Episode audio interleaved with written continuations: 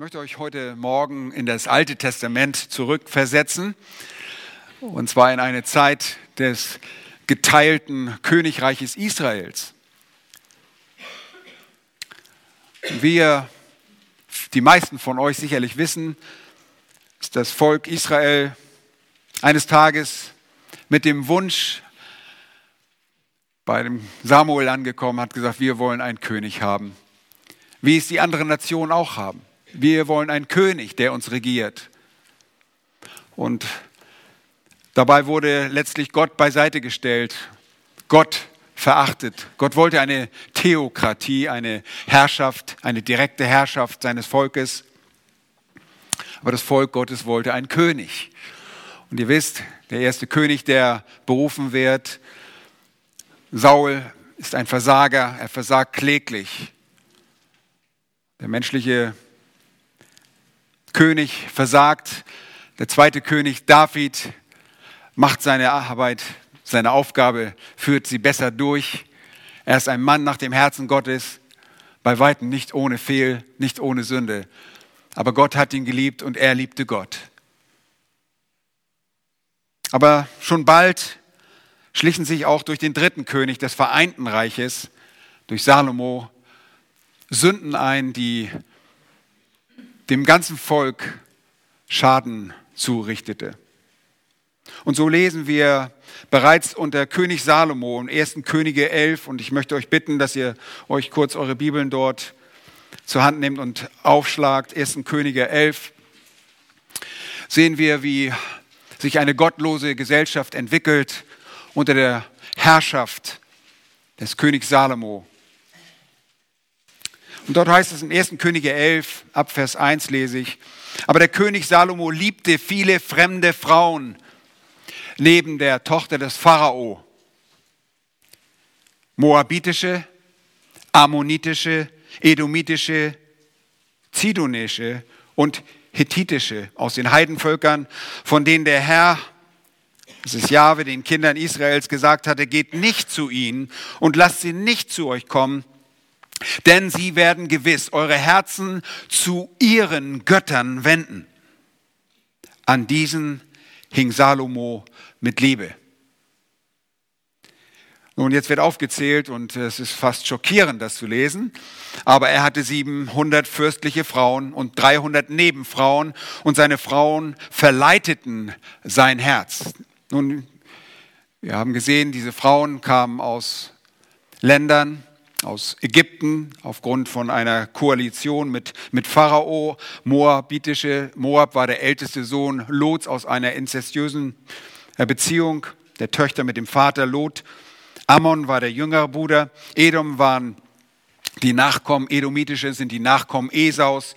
Zidonische, das sind die Nachkommen Zidons aus äh, der Phönizisch, äh, phönizianischen Stadt Zidon. Äh, Zidon war der Sohn war ein Sohn Kanaans, sind Kanaaniter. Auch Het war ein Kanaaniter. Zidon war der Erstgeborene und Het, glaube ich, einer der Söhne von Kanaan. Nun, mit ihnen sollte keiner eine Beziehung eingehen. Salomo tat es dennoch. Und dann heißt es in Vers 4, und es geschah zu der Zeit, als Salomo alt geworden war, da wendeten seine Frauen sein Herz anderen Göttern zu, sodass sein Herz nicht mehr ungeteilt mit dem Herrn, das heißt mit Jahwe, seinem Gott, war, wie das Herz seines Vaters David. So lief Salomo der Astarte nach, der Gottheit der Zidonier, und Milkom, dem Gräuel der Ammoniter. Und Salomo tat, was böse war in den Augen Jahwes und er folgte Jahwe nicht völlig nach wie sein Vater David. Auch baute Salomo eine Höhe für den Chemosh, den Gräuel der Amoabiter auf dem Berg, der östlich von Jerusalem liegt, und für den Moloch, den Gräuel der Ammoniter. Und ebenso machte er es für seine ausländischen Frauen, die ihren Göttern räucherten und opfern opferten. Da war Jahwe zornig über Salomo, weil sein Herz sich abgewandt hatte von Jahwe, dem Gott Israels, der ihm zweimal erschienen war. Soweit. Nun, mit diesem mit dieser Abwendung von Jahwe hin zu fremden Göttern kam eine Gottlosigkeit über das ganze Volk. Wir sehen das immer wieder, dass wenn eine Regierung sich abwendet von Gott, dass auch das Volk darunter leidet. Und die Schrift spricht auch sehr deutlich davon. Wir haben aus jüngster Geschichte Beispiele davon. Ähm, einige von euch sind vielleicht ein bisschen zu jung dafür, zu wissen, wer Nikolai Ceausescu war. Einige von uns wissen das sehr gut. Sie kommen sogar aus dem Land. Ähm, er war der Generalsekretär der rumänischen kommunistischen Partei. Staatspräsident und Vorsitzender des Staatsrates war er von 1965 bis 1989 einer neo-stalinistischen Diktatur. Er war bekannt als der Herr Raffgier. Man schätzte 1978 bereits sein Vermögen bzw. sein Kontostand auf 400 Millionen Dollar. Und er hatte eine sehr merkwürdige Art und Weise, sich Geld zu beschaffen. Er konnte Geld machen mit Deutschen und mit Juden. Er verkaufte sie.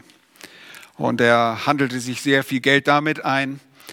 Und er baute sich selbst sehr große Anwesen. Eines der bekanntesten Bauwerke überhaupt ist der Parlamentpalast. Wer schon in Rumänien war, der weiß, wovon ich spreche. Ich glaube, der wurde 1984, die Grundsteinlegung. Äh, die Baukosten sind nur sehr schwer zu beziffern, aber in der Schätzung sind sie ungefähr auf 3,3 Milliarden Euro. Das sind 40 Prozent des jährlichen Bruttosozialprodukts Rumäniens. Nun, während Mr. Raffgier oder Herr Raffgier sich immer mehr Geld anhäufte, litt die Bevölkerung. Er hatte eine sehr merkwürdige Familienpolitik. Er wollte die Bevölkerung äh, verdoppeln und so verbot er Verhütung. Er war gegen Aufklärung, Verhütungsmaßnahmen in der Schule, ja, dass Kinder nicht aufgeklärt wurden darüber, wie man verhütet oder irgendwelche Maßnahmen wurden bestraft. Ähm, er hatte dafür gesorgt, dass es großen Familienreichtum gab und viele Kinder nicht mehr versorgt werden konnten, weil die Armut im Volk so groß war, dass es sehr viele Waisenheime gab, an dem es wirklich chaotische Zustände gab. Das hat man erst sehr spät alles gesehen. Ähm, aber diese Gottlosigkeit führte einfach zum, wurde zur, zur Qual des ganzen Volkes. Aufgrund der Sünde lesen wir vermehrt, auch im Alten Testament, wie gottlos alles zuging unter einem bestimmten König, König Ahab. Schlagt eure Bibeln bitte auf. In der ersten Könige Kapitel 16. Und dort stelle ich euch diesen König des Nordreiches vor. Nachdem Salomo gesündigt hatte, sich vom Herrn abwendete, teilte sich das Reich in Nord- und Südreich. Und Ahab war nun einer dieser Könige, zu Beginn, relativ früh, zu Beginn des geteilten Reiches, und wir lesen in 1. Könige 16 die Verse 29 und folgende, dies über Ahab. Im 38. Jahr der Regierung Asas, des Königs von Juda, war Ahab, der Sohn Omris, König über Israel. Und er regierte 22 Jahre lang in Samaria über Israel. Und unsere, Hauskreisler, unsere Hauskreisleute wissen, wer Omri ist. Omri hatte Samaria gebaut den Berg dort gekauft und Samaria gegründet. Vers 30 heißt es, und Ahab, der Sohn Omris, tat, was böse war in den Augen Jahwes, mehr als alle, die vor ihm gewesen waren. War es nicht genug, dass er in den Sünden Jerobeams des Sohnes Nebats wandelte? Das war der erste König im Nordreich. Denn es geschah dass er sogar Isabel zur Frau nahm, die Tochter Edbaals, des Königs der Zedonier. Und ich sagte, das waren Kanaaniter, das waren Nachkommen der, äh, von Kanaan. Und sie betrieben den Baalkult. Und er ging hin und diente dem Baal und betete ihn an. Und er errichtete dem Baal ein Altar im Haus Baals, das er in Samaria baute. Ahab machte auch ein Aschera-Standbild, sodass Ahab mehr tat, was Jahwe, den Gott Israels, erzürnte, als alle Könige von Israel, die vor ihm gewesen war, waren. Soweit. In diese Zeit möchte ich euch mit hineinnehmen. Und in dieser Zeit sehen wir auch, bei, aufgrund der großen Gottlosigkeit, dass mehr und mehr Sünde in das Volk geriet. Was beinhaltet die Sünde eines gottlosen Herrschers? Ich habe es erwähnt. Sprüche 28, 15 sagt, wie ein brüllender Löwe und ein gieriger Bär, so ist ein gottloser Herrscher gegen das geringe Volk. Und ich habe es schon angesprochen, in der heutigen Zeit ist es nicht anders. Wir haben das bei Nikolai Ceausescu gesehen. Das bewahrheitete sich auch bei König Ahab der aufgrund seiner Habsucht das Recht beugte. Eines der Beispiele davon ist euch vielleicht noch bekannt in Kapitel 21, als er den Weinberg Nabots begehrte, der in Jezreel lebte. Und eines Tages sieht Nabot diesen wunderschönen Weinberg, äh, äh, sieht Ahab den Weinberg Nabots und er begehrt ihn, er möchte ihn gerne haben. Aber dieser Nabot lässt sich nicht darauf ein. Er lässt sich auf keinen Tausch ein. Er lässt sich auch nicht auf ein großzügiges Angebot ein, ein, dass man ihn den Weinberg abkaufen würde. Nein, es sollte in Besitz der Familie bleiben. Und Ahab kehrt zurück in seine Regierungsstadt nach Samaria. Nach Jezreel ging er wahrscheinlich äh, im Winter, weil es dort milderes Klima gab.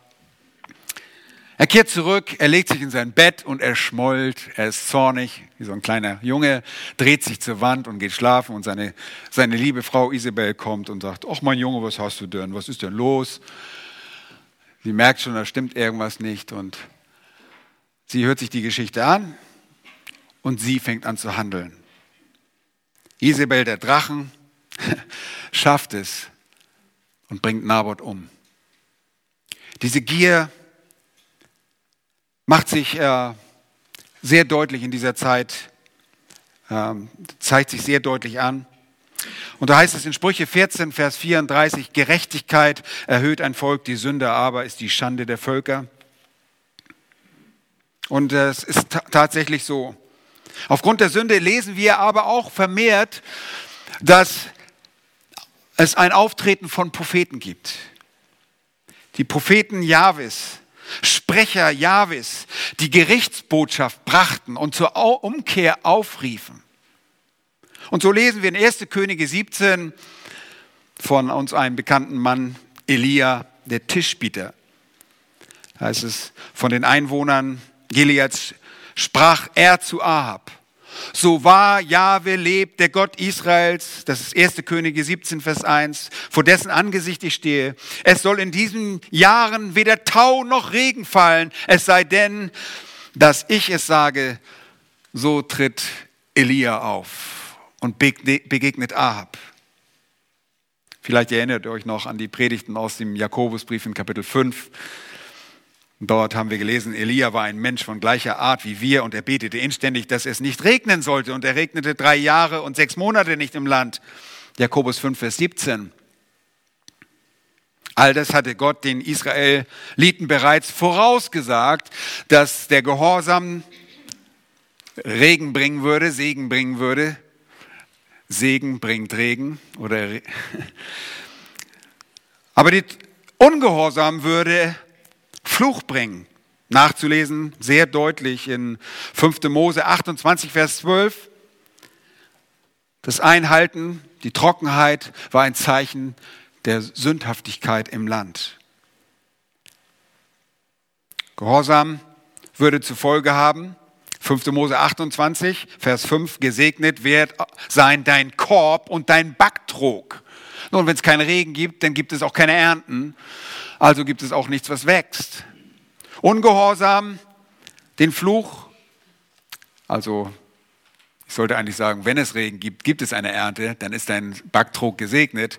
Umgekehrt, ungehorsam den Fluch, verflucht wird sein dein Korb und dein Backtrog. 5. Mose 28, 17.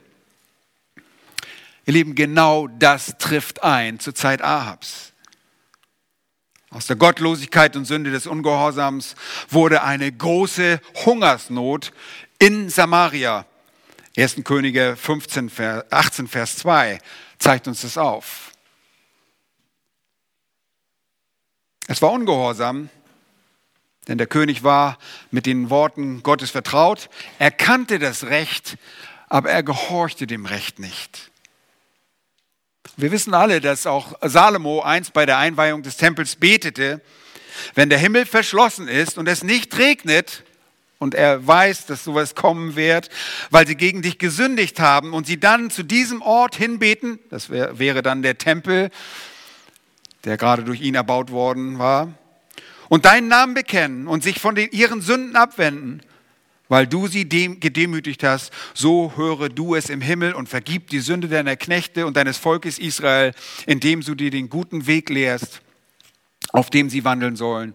Und lass es regnen auf sein Land, das du deinem Volk zum Erbe gegeben hast. Das ist 1. Könige 8.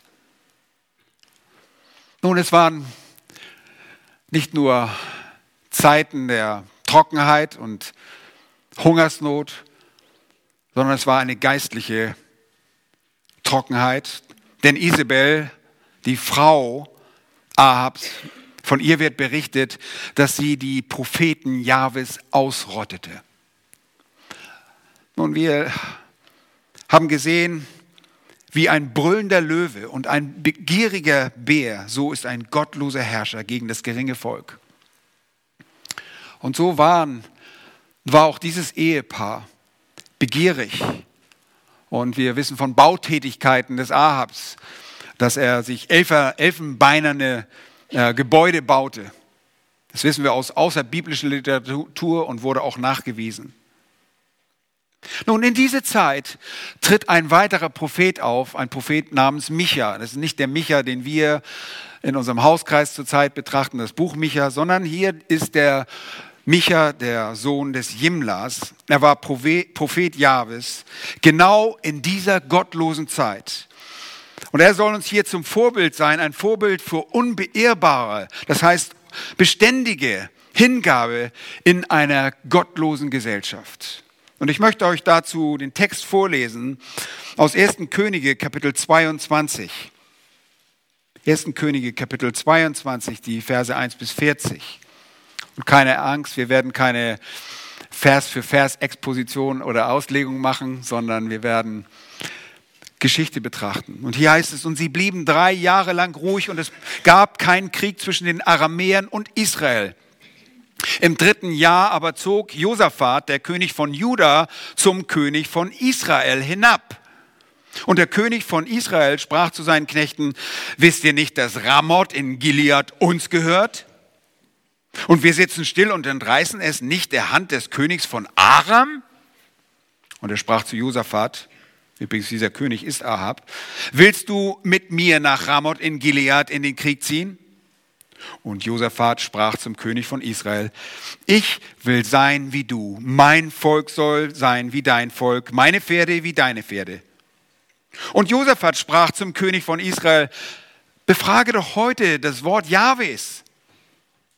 Da versammelte der König von Israel die Propheten, etwa 400 Mann, und sprach zu ihnen, soll ich nach Ramoth in Gilead in den Krieg ziehen oder soll ich es lassen? Sie sprachen, zieh hinauf und der Herr wird sie in die Hand des Königs geben. Josaphat aber sprach, ist kein Prophet Jahwes mehr, den wir fragen könnten? Er witterte schon den Braten. Der König von Israel aber sprach zu Josaphat, es gibt noch einen Mann, durch den man Jahwe befragen kann, aber ich hasse ihn, denn er weiß, sagt mir nichts Gutes, sondern nur Böses. Micha, der Sohn Jimlas. Josaphat aber antwortete, der König rede nicht so. Da rief der König von Israel einen Kämmerer und sprach, bring Micha, den Sohn Jimlas, rasch her. Und der König von Israel und Josaphat, der König von Juda, saßen jeder auf seinem Thron in königlichen Gewändern gekleidet auf dem Platz am Eingang des Tores von Samaria. Und alle Propheten weissagten vor ihnen. Und Zedekia, der Sohn Kenans, hatte sich eiserne Hörner gemacht und sprach, so spricht Jahwe, hiermit wirst du die Aramäer niederstoßen, bis du sie vernichtet hast. Und alle Propheten weissagten ebenso und sprachen, zieh hinauf nach Ramoth in Gilead, und es wird dir gelingen, denn Jahwe wird es in die Hand des Königs geben. Nun, der Bote aber, der hingegangen war, um Micha zu rufen, der redete mit ihm und sprach, siehe, die Worte der Propheten verkünden einstimmig Gutes für den König, so lass nun dein Wort auch sein wie das Wort eines jeden von ihnen und rede Gutes. Ich aber sprach, so wahr Jahwe lebt, ich will reden, was mir Jahwe sagen wird. Und als er zum König kam, sprach der König zu Micha, zu ihm, Micha, sollen wir nach Ramoth in Gileon in den Krieg ziehen oder sollen wir es lassen? Und er sprach zu ihm, zieh ihn auf, es soll dir gelingen, denn Jahwe wird es in die Hand des Königs geben. Da sprach der König zu ihm, wie oft muss ich dich beschwören, dass du mir nichts als die Wahrheit sagst, sollst im Namen Jahwes. Da sagte er, ich sah ganz Israel auf den Bergen zerstreut, wie Schafe, die keinen Hirten haben. Und Jahwe sprach, diese haben keinen Herrn. Ein jeder kehre wieder heim in Frieden. Da sprach der König von Israel zu Josaphat, habe ich dir nicht gesagt, dass ihr mir nichts Gutes weissagt, sondern nur Böses? Mich aber sprach, darum höre das Wort Jahwes. Ich sah Jahwe auf seinem Thron sitzen und das ganze Heer des Himmels bei ihm stehen, zu seiner Rechten und zu seiner Linken. Und Jahwe sprach, wer will Ahab betören, dass er hinaufzieht und bei Ramoth in Gilead fällt? Und einer sagte dies, der andere das. Da trat ein Geist hervor und stellte sich vor Jahwe und sprach, ich will ihn betören. Und Jahwe sprach zu ihm, womit? Und er sprach, ich will hingehen und ein Lügengeist sein im Mund aller seiner Propheten. Er sprach, du sollst ihn betören und du wirst es auch ausführen. Geh und mache es so. Und nun siehe, Jahwe hat einen Lügengeist in den Mund aller dieser, seiner Propheten gelegt und Jahwe hat Unheil über dich geredet. Da trat Zedekia, der Sohn Kenans, herzu und gab Micha einen Backenstreich und sagte, ist etwa der Geist Jahwes von mir gewichen, um mit dir so zu reden? Micha aber sprach, siehe, du wirst es sehen an dem Tag, an dem du in die innerste Kammer gehen wirst, um dich zu verbergen. Da sprach der König von Israel, nimm Micha und führe ihn wieder zu Ammon, dem Obersten der Stadt, und zu Joas, dem Sohn des Königs, und sage, so spricht der König, leg diesen in den Kerker und speist ihn mit Brot der Drangsal und mit Wasser der Drangsal, bis ich in Frieden wiederkomme. Micha aber sprach, wenn du in Frieden wiederkommst, dann hat Jahwe nicht durch mich geredet. Und dann sagt er, hört es, ihr Völker, alle. Soweit der Text.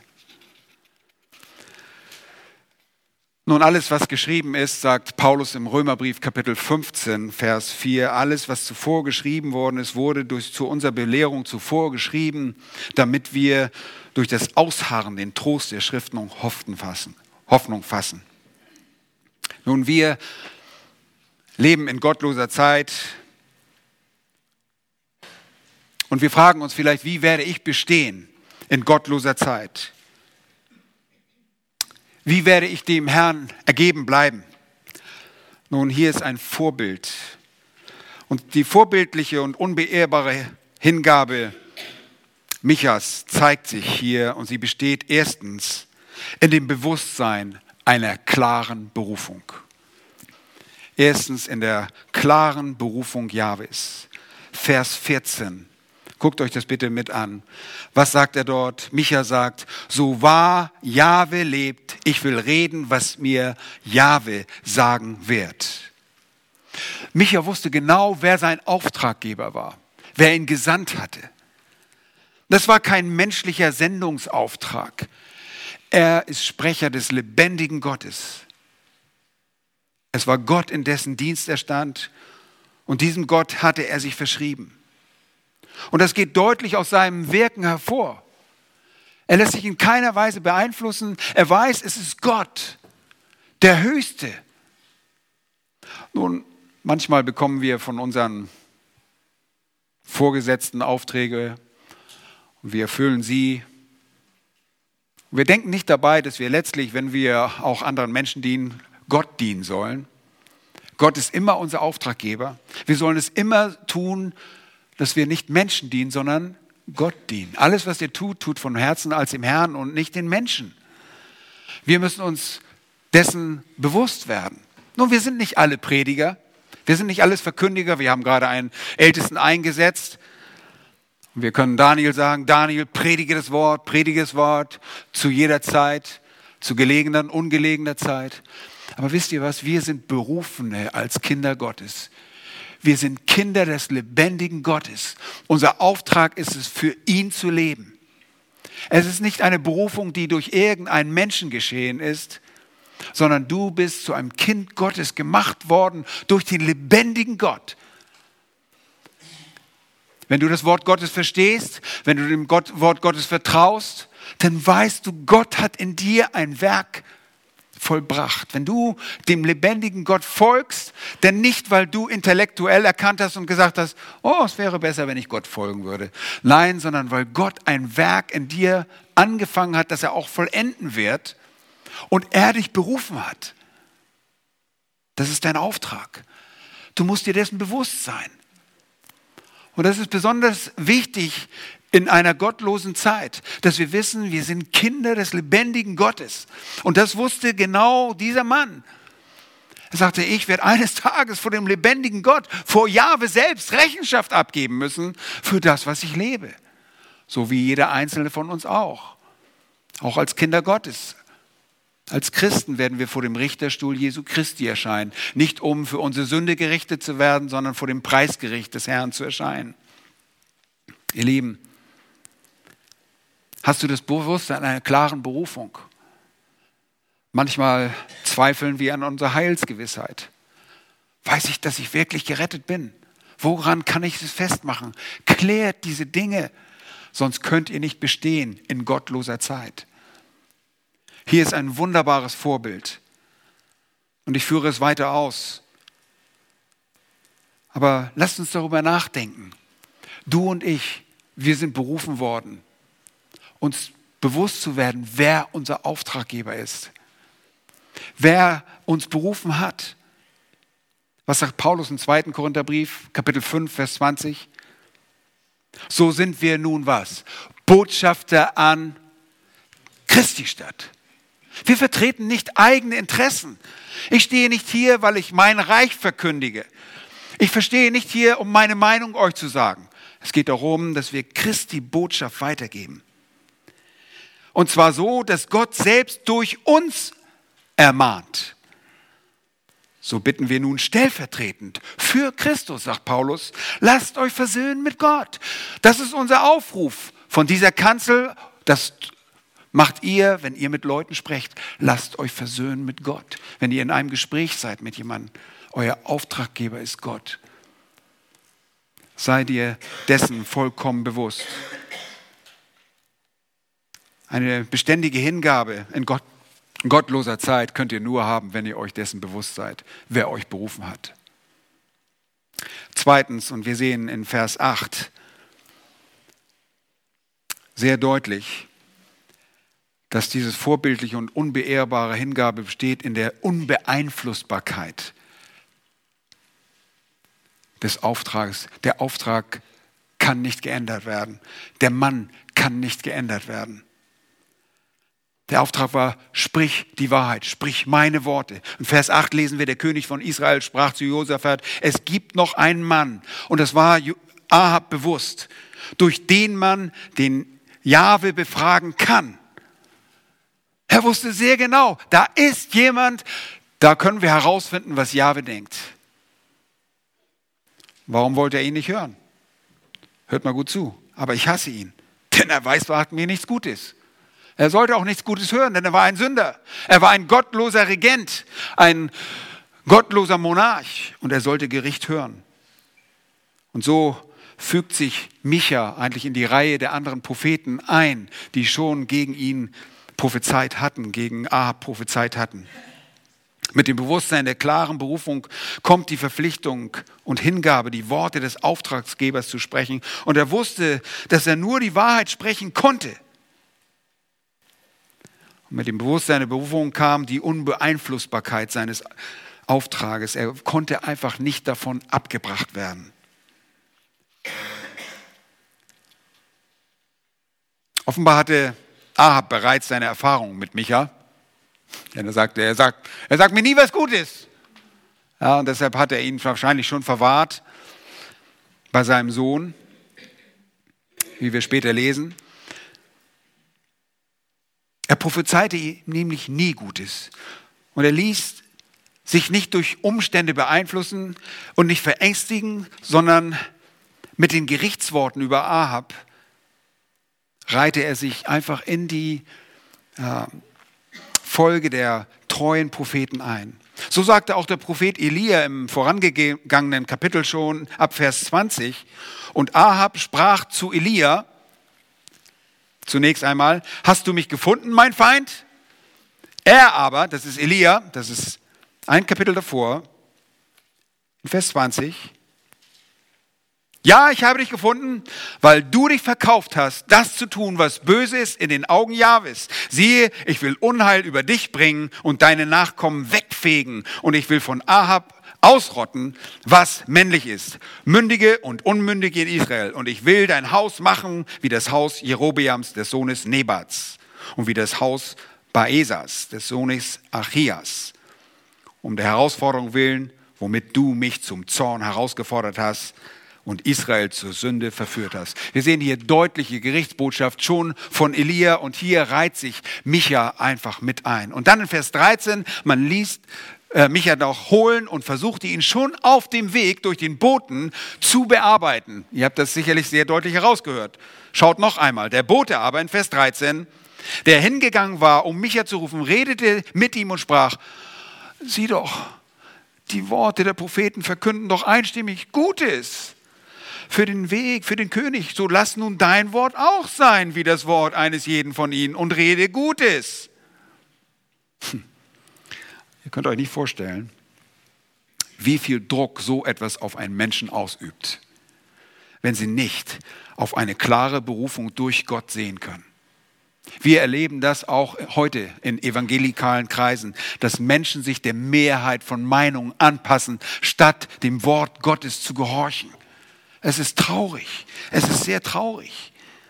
Viele der damaligen Propheten waren schlichtweg einfach nur Lügner und Betrüger. Und die Zeiten haben sich nicht geändert.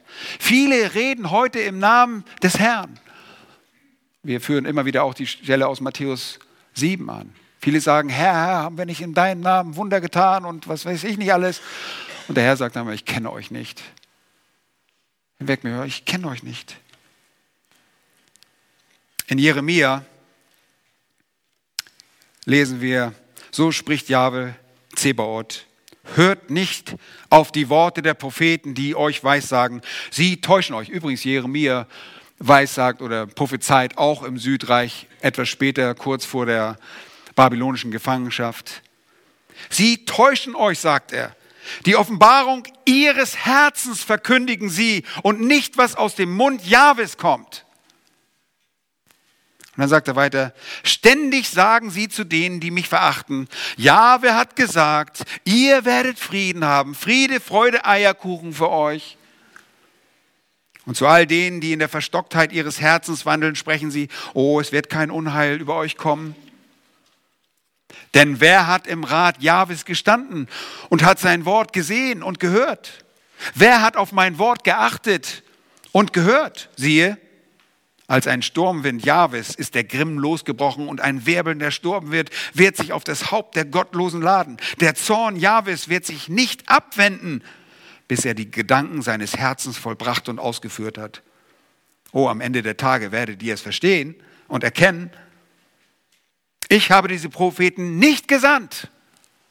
Sie sind nicht berufen, sind keine Berufenen.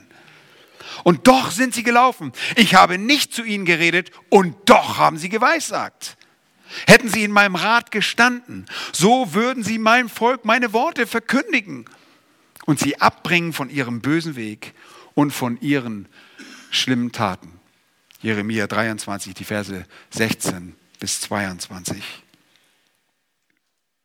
Nun mit der eindeutigen Antwort Michas in Vers 14 werden alle Zweifel darüber ausgeräumt, wo er als Prophet einzuordnen war. Da heißt es, Micha aber sprach, so wahr Jahwe lebt. Ich will reden, was mir Jahwe sagen wird. Er war ein Prophet, der berufen war, und er war ein Prophet, der sich nicht beeinflussen ließ durch die Menge. Ihr Lieben, manchmal ist es schwierig für Verkündiger oder für euch, gegen eine Vielzahl von anderen Meinungen aufzustehen und zu sagen, so spricht der Herr. Aber dazu sind wir berufen. Das müssen wir tun. Gerade in gottloser Zeit. Es wird mehr und mehr von uns erwartet, einfach aufzustehen und zu sagen, so spricht das Wort. Was setzt es voraus? Dass wir das Wort Gottes kennen. Wir müssen das Wort Gottes kennen und es mit Präzision gebrauchen. Ja, wir schlagen nicht mit dem Schwert des Geistes einfach nur um uns, sondern mit einer Präzisionswaffe, wie das Schwert des Geistes übrigens auch im Epheserbrief ist. Es ist ein Kurzdolch gewesen, mit dem man genau tödliche Stiche verabreichte. Man schlicht nicht nur einfach mit dem Wort Gottes um sich, sondern muss das Wort Gottes kennen. Aber steht auf, lasst euch nicht beeinflussen durch niemanden. Micha tat es nicht. Nun, die vorbildliche und unbeehrbare Hingabe besteht auch in dem weisen Umgang mit den Narren. Und ich liebe es, wie äh, Micha hier antwortet. Micha war nicht nur in seiner Berufung sicher, sondern er war nicht beeinflusst, sodass die Botschaft Jahwes sich veränderte. Dazu bestand seine vorbildliche und unbeehrbare Hingabe in dem weisen Umgang mit diesen Narren. Jeder, der in seinem Herz sagt, es gibt keinen Gott, ist ein Narr, Psalm 14, Vers 1. Aber schaut mal in Vers 15, da heißt es, und als er zum König, das ist Ahab, kam, sprach der König zu ihm, Micha, sollen wir nach Ramoth in Gileon in den, äh, Gilead in den Krieg ziehen? Übrigens, äh, Ramon Gilead war eine Ortschaft in Transjordanien, ähm, im heutigen Jordanien, nördlichen Jordanien. Ähm, eine Ortschaft, die von den Aramäern öfter eingenommen wurde. Es gab ständig Krieg zwischen, zwischen Israel und den Aramäern. Wir lesen schon davor, in den Kapiteln davor, dass Israel einige Siege davontrug. Dann allerdings sich auch gemeinsam mit den Aramäern gegen die Assyrer wandten. Auch eine ganz bekannte Schlacht äh, in 853 vor Christus in Karka. Äh, da haben beide Seiten an Seite getroffen. Aber immer wieder kam es vor, dass es Streit gab zwischen Aramäern und Israeliten. Und so haben sie diese Stadt eingenommen und haben gesagt, meine Güte, die haben sie uns weggenommen und wir lassen das einfach zu. Die holen wir uns wieder. Und das war die ganze Frage. Sollen wir da hingehen oder nicht? Und der, so fragt er, sprach der König zu ihm, Micha, sollen wir nun nach Ramoth in Gilead in den Krieg ziehen? Und das war die Gewohnheit der Könige zu fragen, was Gott wohl dazu sagen würde. Oder sollen wir es lassen? Und er sprach zu ihm, zieh ihn auf. Es soll dir gelingen, denn Jahwe wird es in die Hand des Königs geben. Zunächst einmal ein, eine komische Antwort. In seiner Stimme allerdings traf wahrscheinlich triefender Sarkasmus mit Verachtung zusammen. Kann sich das so richtig vorstellen? Ja, zieh ruhig rauf. Ist schon in Ordnung. Geh, Mann. aber mich aber sicherlich damit vertraut, was Salomo einst niederschrieb, antworte den Narren nicht nach seiner Nahheit, damit du nicht auch ihm gleich wirst, antworte aber den Narren nach seiner Nahheit, damit er sich nicht für weise hält. Sprüche 26, Verse 4 und 5. Oder wusste Micha um Psalm 135, wo es heißt, die Götzen der Heiden sind Silber und Gold, von Menschenhand gemacht. Sie haben einen Mund und reden nicht, Augen haben sie und sehen nicht, Ohren haben sie und hören nicht. Auch ist kein Odem in ihrem Mund. Und jetzt hört genau zu. Ihnen gleich sind die, welche sie machen, und ein jeder, der auf sie vertraut. Ahab sorgte dafür, dass eine Astarte aufgestellt wurde, dass Baal angebet wurde. Er hörte nicht, er hatte Ohren und hörte nicht. Und deshalb behandelt er ihn als einen Narren und sagt, ja, ja, zieh ruhig hin. Du willst meine Meinung ohnehin nicht hören. Zieh ruhig hin. Nur natürlich nimmt Ahab sofort wahr, dass hier etwas nicht stimmt. Und er entgegnet in Vers 16, so sprach der König zu ihm, wie oft, achtet mal auf diese beiden Worte, wie oft muss ich dich beschwören? Das war also nicht das erste, die erste Erfahrung, die Ahab hier mit Micha machte. Wie oft muss ich dich beschwören, dass du mir nichts als die Wahrheit sagen sollst im Namen Jahwes? Moment, heißt es, dass Micha ein Lügner war? Nein, er antwortete einfach nur mit triefendem Sarkasmus und sagt, geh hin. Alle anderen sagen das ja auch, zieh ruhig hin. Neulich musste ich auch Sarkasmus anwenden.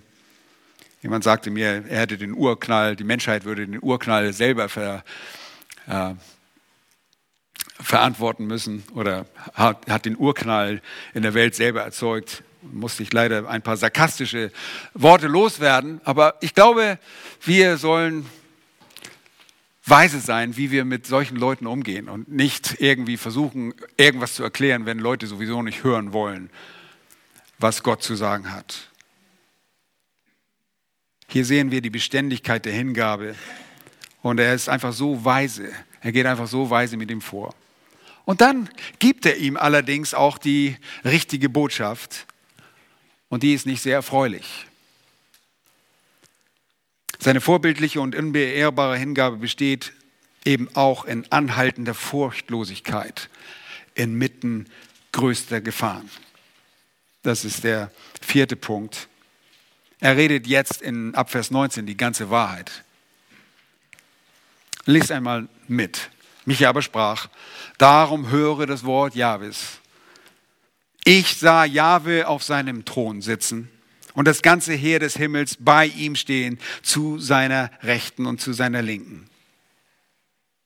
Seht ihr, er spricht jetzt absolut mutig. Und er sagt, ihr beiden, ihr sitzt hier auf eurem Thron, wie die Kasper. Und da kommen da eure 400 Propheten und jeder weiß sagt, aber wisst ihr was, ich habe den lebendigen Gott auf seinem Thron gesessen, gesehen. Wisst ihr, wer regiert? Nicht ihr beide hier. Josaphat hatte sich mit aus dem Südreich, übrigens, äh, Josaphat war ein gottesfürchtiger König, aber das war einer seiner schwachen Stunden. Er hatte sich äh, mit Ahab verschwägert, nachdem er zu Reichtum gekommen war. Äh, wir lesen viel, sehr viel Gutes von Josaphat, aber hier war, hat er einer seiner schwachen Stunden gehabt. Die kennen wir wohl alle. Aber er sagt, wisst ihr was? Gott im Himmel trifft die Entscheidung. Ihr könnt hier auf euren Thron sitzen. Ich habe den lebendigen Gott gesehen. Schaut einmal, Vers 20. Und Jahwe sprach, wer will Ahab betören, dass er hinaufzieht und bei Ramoth in Gilead fällt. Könnt ihr sehen? Boah, der sagt dem König, du ziehst darauf und du wirst nicht wiederkommen. Du wirst, du wirst tot. Du bist ein toter Mann.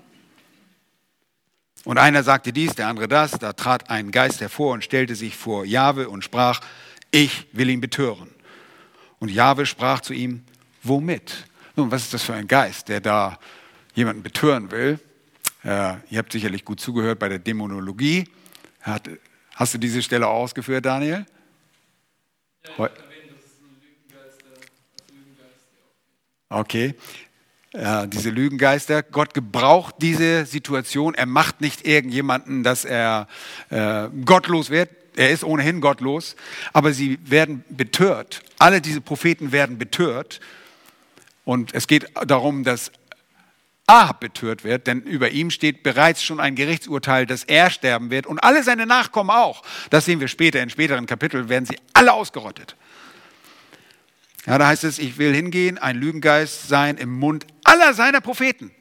Das waren alles Lügner. Und wir haben ein paar Kapitel davor haben wir Elia schon gesehen bei seinem Tanz um, äh, auf dem Kamel, als die, die Propheten Baals da auftauchten. Ihr wisst noch, äh, wie, wie die, Propheten Baals da um diesen Opferaltar, der mit, mit Wasser begossen wurde, ähm, er, er, später durch Elia, wie der äh, Feuer fangen sollte. Und ähm, wie, Elia, nachdem er den Sieg er, erreicht und erlangt, alle diese Propheten umbringt lässt. Man muss sich wundern, es sind immer noch 400 vorhanden. Damals kennen wir schon die Zahl 400 und 450, also 850. Aber hier 400 Lügner auf einen Haufen. Na, das kann ja eine tolle Botschaft geben. Er sprach, du sollst ihn betören und du wirst es auch ausführen. Geh hin und so mache es so. Nun, das sieht alles Micha. Er sieht das. Er ist der Prophet und er sieht das und er gibt es jetzt weiter, was er gesehen hat. Genauso wie Jahwe Gott ihn das hat sehen lassen. Und siehe, Jahwe hat einen Lügengeist in den Mund aller dieser deiner Propheten gelegt. Und Jahwe hat Unheil über dich geredet. Wow. Ich meine, das ist Mut. Er hätte auch kuschen können und hat gesagt, mein, pff, lass ihn doch dahin ziehen. Der kommt sowieso um. Pff, lass ihn dahin ziehen, dann bin ich los. Nein, er sagt ihm genau, was passieren wird. Seht ihr, er ist einfach mutig, weil er weiß, wer der Auftraggeber ist. Er weiß, dass er ein Berufener ist. Er ist weise gemacht durch den Herrn und er ist, hat den Mut Gottes, weil er den lebendigen Gott kennt. Nun, wir sehen dann, Jahwe sitzt auf dem Thron, Vers 19. Und er denkt einfach, ihr könnt lange auf euren Thron sitzen und beratschlagen, aber letztlich hat der Ratschluss des lebendigen Gottes Bestand. Und hier ist dieser Ratschluss, Vers 10. Der König von Israel, habt ihr gesehen, und Josaphat, der König von Juda, saßen jeder auf seinem Thron. Und ich kann mir vorstellen, wenn sie ein bisschen Gottesfurcht gehabt hätten, dann würden sie alle ein bisschen tiefer gerutscht sein jetzt. Aber das taten sie nicht. Micha zeigt dem König deutlich auf, dass er durch die Lügenpropheten betört wird aber er ignoriert es. Micha zeigt auf, dass Unheil über den König selbst kommen wird. Und dieser versucht es in der Schlacht auch zu verhindern, dass er getroffen wird. Er verkleidet sich nämlich. Er sagt zu Josaphat, du kannst deine Kleidung als König anbehalten. Sehr nett, sehr freundlich zu seinem Kollegen. Aber ich verkleide mich. Dann werden sie nicht hinter mir her sein. Weil die Aramäer hatten gesagt, oh, hinter das kleine Fußvolk und die Großen gehen wir nicht. Wir gehen nach dem, dem König. Wir suchen den König. Aber den konnten sie nicht finden. So kam irgendein aramäischer Soldat und er zog aufs Geratewohl seinen Bogen. Und dieser Pfeil dieses Bogens traf den König Ahab an einer Lücke an seinem Panzerhemd, sodass er mit einer tödlichen Wunde umkam. Er verblutet. Er kann nicht gleich nach Hause fahren. Er sagt zwar zu seinem Wagenführer, lass uns gehen, wir müssen weg, ich bin verwundet, sie können nicht, die Schlacht wird immer stärker. Und er verblutet.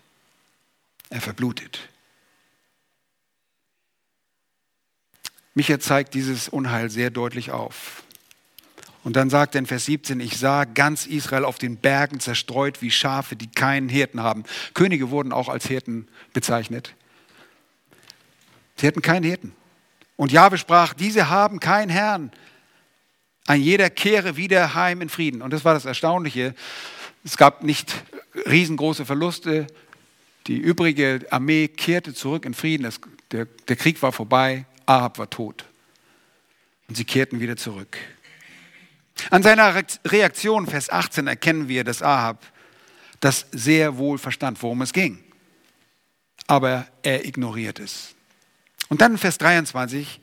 Und nun siehe, Jahwe hat einen Lügengeist in den Mund aller dieser Propheten gelegt und Jahwe hat Unheil über dich geredet. Hier ist Unheil für dich. Überleg es dir sehr gut, das ist die Wahrheit.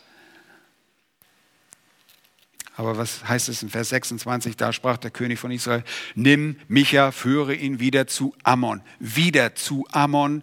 Er war offenbar in Verwahrung weil er ihm nichts Gutes weissagte, dem Obersten der Stadt. Und zu Joas, dem Sohn des Königs, und sage, So spricht der König, legt diesen in den Kerker, speist ihn mit Brot der Drangsal, mit Wasser der Drangsal, bis ich in Frieden wiederkomme. Und Micha sprach, wenn du in Frieden wiederkommst, dann hat Jahwe nicht durch mich geredet. Er war sich so sicher, weil Jahwe hatte zu ihm geredet. Und er ist so mutig, dass er das sagt. Und dann vergessen wir nicht, Isabel rottete alle Propheten aus. Es war eine wirklich furchtbare bare Zeit für Propheten. Erinnert ihr, äh, nach dem Sieg Elias auf dem Kamel wird Isabel ein bisschen ärgerlich und Elia ergreift die Flucht und er rennt und er rennt und dann rennt und rennt und fällt in eine halbe Depression. Ja, das war eine ganze Depression, eine Niedergeschlagenheit, weil die Isabel hinter ihm her war. Es waren einfach gefährliche Zeiten für die Propheten Jahwes. 1. Könige 18,4 könnt ihr nachlesen sodass Obadja versteckte einige der Propheten des Herrn. Nun, in Kapitel 21 haben wir ein sehr trauriges Beispiel für die Einflussnahme dieser hässlichen Isabel in dem Leben. Ich habe es schon erwähnt, als Naboth den Verkauf und den Tausch seines Weinberges verweigerte und wirklich auf eine heimtückische Art und Weise umgebracht hat, gesteinigt wird, und Isabel so ihrem Mann den von ihm begehrten Weinberg verschaffte. Nun, er war mutig, aber er war auch bereit, in Drangsal zu leben. Habt ihr es gerade mitgelesen? Legt diesen in den Kerker, Vers 27. Legt diesen in den Kerker. Da kam er offensichtlich auch her. Sonst würde es nicht heißen, wieder führe ihn wieder zu Amon, dem Obersten der Stadt, und zu Joas, dem Sohn des Königs. Das war später der Sohn, der auch die Herrschaft antrat, nachdem ein anderer Sohn zwei Jahre nichts taugte und auch starb. Bringe ihn, legt ihn in diesen Kerker, speist ihn mit Brot der Drangsal. Das gibt es nicht beim Aldi zu kaufen, auch nicht beim Lidl, sondern das heißt eigentlich nichts anderes, das gibt ihnen eine Hungerration. Gibt ihnen eine Hungerration. Wie man halt Gefangene speist mit Wasser der Drangsal. Das ist auch kein besonderer Sprudel bei Lidl, sondern das ist einfach ein, eine Rationierung von Wasser für Gefangene. Wär, es ging ihm sicherlich nicht sehr gut. wisst ihr es? Er war bereit unbeehrbar ein Zeugnis und unbeehrt sich Jahwe hinzugeben, egal was es bedeutete. Und dann ruft er auf, hört es, ihr Völker alle. Jahwe hat geredet. Ein Aufruf, wie wir auch beim Propheten Micha in seinem Buch später sehen, als er Gericht über Samaria und Jerusalem spricht, ruft er die Völker auf. Wir sollen die Warnung daraus ziehen. Wenn Gott redet, dann wird er es tun. Wenn Gott sagt, er steht uns bei, dann wird er es tun. Wir sollen Mut und Hoffnung schöpfen durch die Schrift. Und ich hoffe, dass dieser Mann euch ermutigt.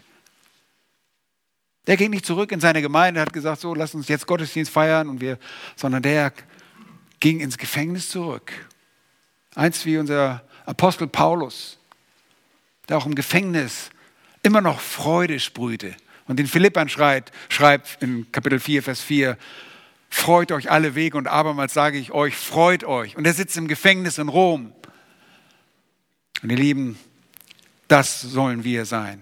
Hier ist ein wunderbares Vorbild einer unbeehrbaren Hingabe, einer ständigen Hingabe an den Herrn in einer gottlosen Zeit. Ihr Lieben, wir können daran festhalten, wenn wir wissen, dass wir berufen sind von dem lebendigen Gott, dem König aller Könige. Und ihr wisst, ihr seid Berufene, dann wird er euch die Kraft geben. Fangt jetzt damit an. Jetzt ist es relativ einfach. Jetzt erntet ihr vielleicht Spott und Hohn. Vielleicht wird ihr ein bisschen gemobbt, aber ihr landet noch nicht im Gefängnis. Glaubt mir, die Zeiten werden nicht einfacher. Lasst uns ernst machen. Lasst uns dem Wort Gottes glauben. Lasst uns Jahwe Gott glauben, dem Gott Israels. Er ist auch unser Gott. Lasst uns zusammen beten.